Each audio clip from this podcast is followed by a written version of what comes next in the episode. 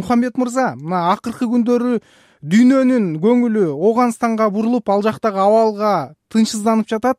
Сиз азыр кайсы жактасыз жана ал жакта абал кандай? Мен э, афганистанда афганистандын түндүгүндамын э, форияб э, областында жашап жатам. Ооба афганистанда абал ушундай болуп атат уккан болушуңуз мүмкүн азыр бүт баары жер талабандардын колуна өттү азыр болсо ал бийлик кандай түзүлүш керек аты жөнү эмне болуш керек деген сөздөр болуп атат азырынча абал токтолуп турат мындай бир өзгөрүштөр көп боло элек калк болсо мындай тынч өз үйүндө өз шаарында жашап жүрүшөт. Бирок тынчсыздангандар көп болуп атпайбы? Мисалы акыркы кабулдан чыгып кетүүгө аракет кылгандар жөнүндө көп болуп атат да.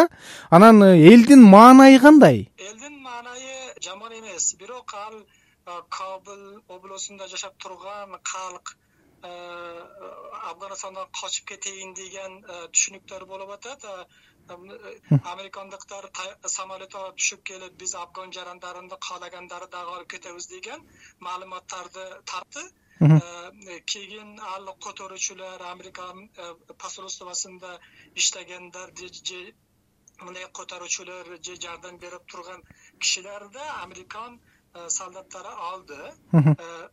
И калк болсо дагы кел талибандардын жыйырма жыл мурунки өкмөтүнөн мындай жаман тажрыйба бар болгон же адамдар корккону үчүн азыр дагы басып келсе ошондой болот эле деп анан коркуп аэропортко баардыгы э, барышкан.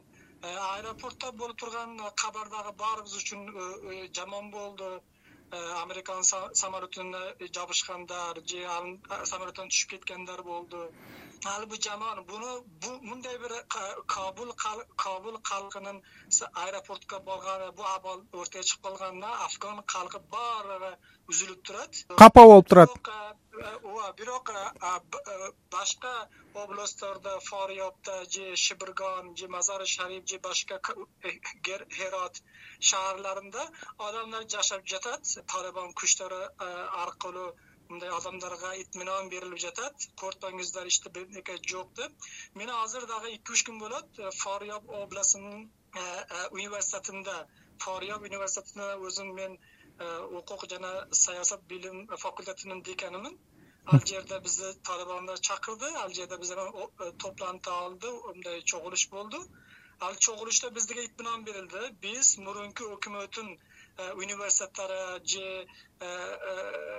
өкмөт жайларында иштегендерге ал аскерий э, болбогон мындай э, э, немеде офислерде иштегендерге эч ишибиз жок деп мындай баарыгына мындай афган калкына афу деген сөздү айтты. Яны биз кечиребиз деген. Азыр дагы бул жерде губернатор болсун же мэрия адамдары болсун же миллет векилдери болсун Э, баарыны алар кечирди. Алар ар бири өз үйүндө жашап жатат. Мисалы азыркы учурда сиз жашап аткан фарияб ошо талибандын колунда да туурабы? Мисалы кайсы бир чектөөлөр болуп жатабы? Аялдарга карата кийим э, мисалы ошол сакал өстүрүү э, диний жактан. Азырынча мектептер университеттер баарыгы мындай такыр такталып жатат. Азырынча эшик ачык элек бирок бүгүн эртең менен талибандар тарафынан мындай жарыя берилди ки мектептер ачылсын экзамендар калган болсо экзамендар алынсын шарттар койгон алар биринчи мектеп биринчи курстан та үчүнчү төртүнчү курска чейин мектептерге аялдар эркектерге сабак берсе болот төртүнчү курстан та онунчу курска чейин кыздар мындай хижоб менен барыш керек аялдар кыздарга сабак бериш керек эркек мугалимдер эркек балдарга сабак бериш керек. Мындай адил адилдей болуш керек? Эртең менен обедке чейин кыздар окуйт мектептерде обедтен кийин то кечке чейин балдар окуйт деп мындай убакытыны дагы мындай ажырашып ажыратып койдук. А мисалы ошо паранжа э, боюнча жалпы аялдарга андай чектөөлөр болгон жокпу? Жок азырынча аялдар көчөлөргө чыкат бирок ал мурунку сыяктуу эмес. Азыр хижоб хижобсуз эч бир аял сыртка чыга элек. Университетке дагы эч бир аял мугалим дагы бара элек студент дагы келе элек только ал эркек мугалимдарды чакырып бизге ал мындай э, немелерди берди ал түзмөлөрдү университетте университет ректору же жардамчылары ректор жардамчылары же э, факультет деканларын чакырып э, сөздөрүн айтты. Кабулда биздин ал тынччылык жүз файыз болгондон кийин биз бүт афганистан университеттерин жөнүндө дагы биз өз сөзүбүздү айтабыз андан кийин сабактарды баштайсыздар деген сөздөрдү оогунстандагы афганистандагы борбордук бийликтин кулап калышына эмне себеп болду? Мисалы буга чейин ошол э, ашраф гани баш болгон бийлик э, аягына чейин күрөшөбүз э, талибанга мындай бийликти бербейбиз бизде күч бар армия бар деп айтып келатпады беле анан э, сиз мына саясат э, билими боюнча дагы адис экенсиз. Негизги себеби эмне болду сиздин көз карашыңызда э, мунун себеби ал жыйырма жылдан бери афганистанда америка бар болду бул жерде. Карзай убактында дагы болсун ашабгани убактында болсун. Бул жерде мындай фасад идорий фасад мындай коррупция. Коррупция болду бул жерде же мындай калк менен өкмөт башынын арасында көп мындай фасила болду да бири бирине каршы чыкты. Байланыш жок болуп калды. Же бул жерде мындай кавмий мындай өзбек тажик паштун азара миллаттарынын арасында дагы мындай каршыма каршы өртөгө чыкты. И мындай Э, кийин э, бул э, төрт жыл эки жыл мурун шайлоо болду. Ал шайлоонун натыйжасы дагы мындай калктын ою менен обозу менен эмес. Бирок ал мындай абдулла абдулла менен ашабган арасында мындай макулдошу менен ал президент болуп отурду. И анын дагы калктын айтылышы айтышы же мындай э, түшүнүктөрү азыр барки ашраф гани э, өзү яны муну э, каалдадыки өкмөттү таштап кетсең же неме болду? Яны Э, үмүтү кесилди. Мына нааразычылыктар көпөйүп кетти. Генерал өзүн бактан аяга каршы чыкты. Же жамият партиясынын баштыктары каршы чыкты. Же мындай коррупция болду. Ашраф ганинин башка бир качышы болду. Ашраф ганинин өмүрү сыртта өткөн америкада жашаган ал жерде окуган.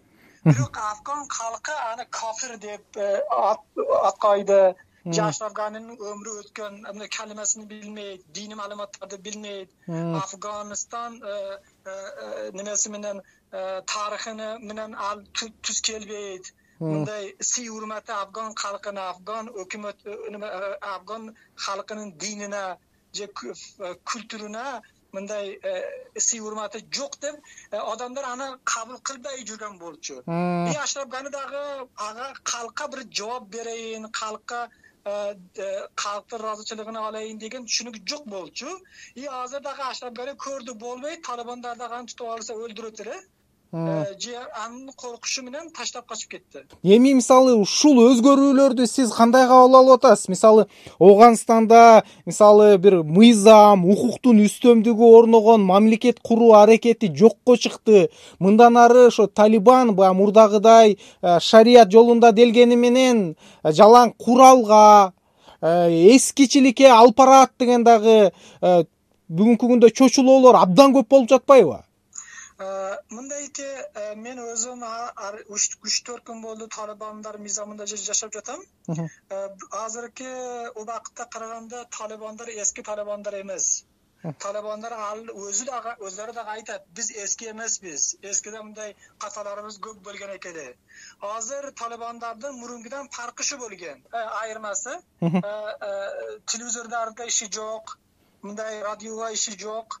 болой берсин дейт аялдар окусун мектеп болсун университеттер болсун э, биз э, ал э, биз азыркы болгон мыйзамды өртүүдөн көтөрбөйбүз. Бул афган калкынын байлыгы афган калкынын малы жаны биз аны коройбуз деген сөздөрү бар. Алардын сөзүнө карап афган калкы дагы үмүттөнүп жатат а бирок бийлик кандай курулат деген сөздө дагы азырча немеде катарда дагы болсун же пакистанда болсун же кабылда болсун ага аракеттенип аракет болуп жатат.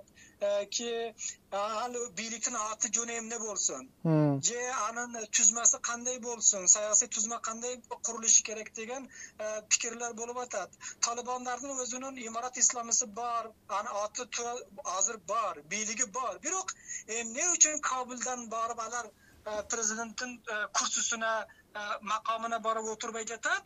Мен өз оюм пикиримде талибандар дагы каалайт.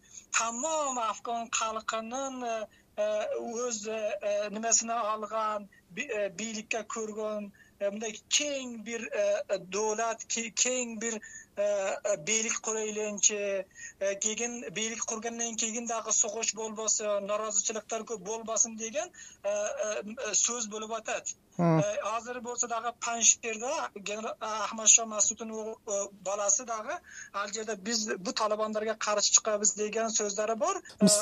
Бизге афган калкына азырынча бизде демократия болсун же бизде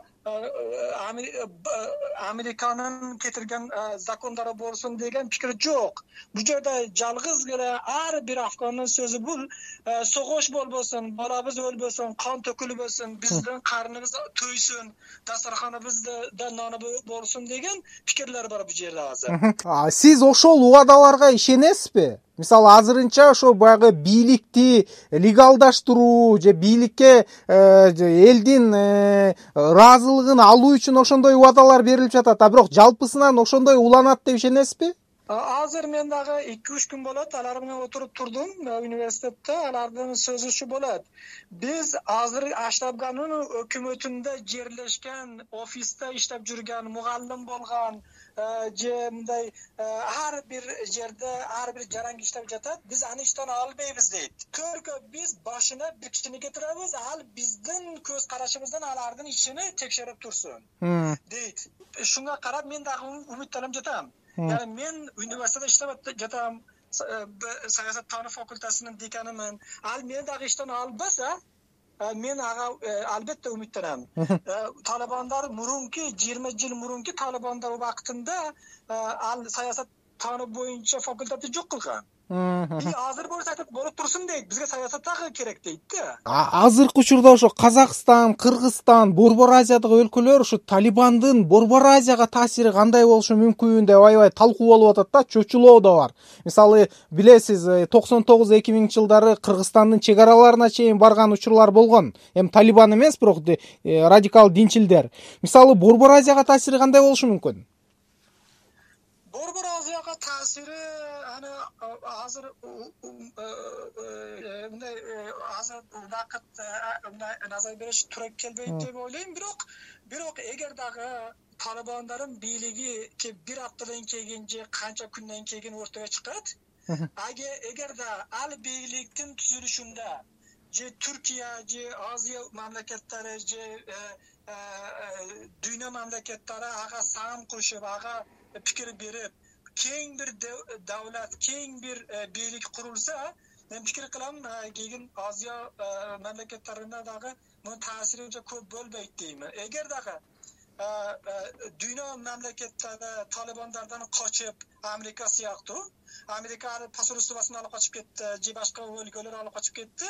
Мындай алып качып кетип да талибандардын өз башына кайып кеткенде бир мындай олумсуз жаман таасир азия мамлекеттерине дагы коет деп ойлойм эгер дагы дүйнө мамлекеттери посольстволорунан чыгарбастан талибандар бийликтери менен дагы мындай мамиле түзүп Э, афганистанда ушу э, мурунку бийликтин э, өртөдөн көтөрбөстөн же атыны же немесини мыйзамдарды жаңайтырса дагы мындай ааламдош шарттарга карап бийлик түзүлсө ал күн келет мындай жаман болбойт сиз менен мен кыргызча сүйлөшүп атам. Сиз өзүңүз жөнүндө кыскача айтып бербейсизби? Мухаммед мырза кайдан жүрүп кыргызстан тууралуу кабарыңыз бар? Рахмат мен кыргызстанда келип окуганмын. Кыргызстанда он эки жыл жашадым. Бирок бир үч жыл болду афганистанга кайтып келгенде ар дайым форсча сабактар бердим университетте. Аны кыргызчаны аз эле унутуп калганмын. Кыргызстанда кайда окудуңуз? кыргызстанда жалал абад шаарында окудум камерскеде ал жерде түрк кыргыз институту бар болчу.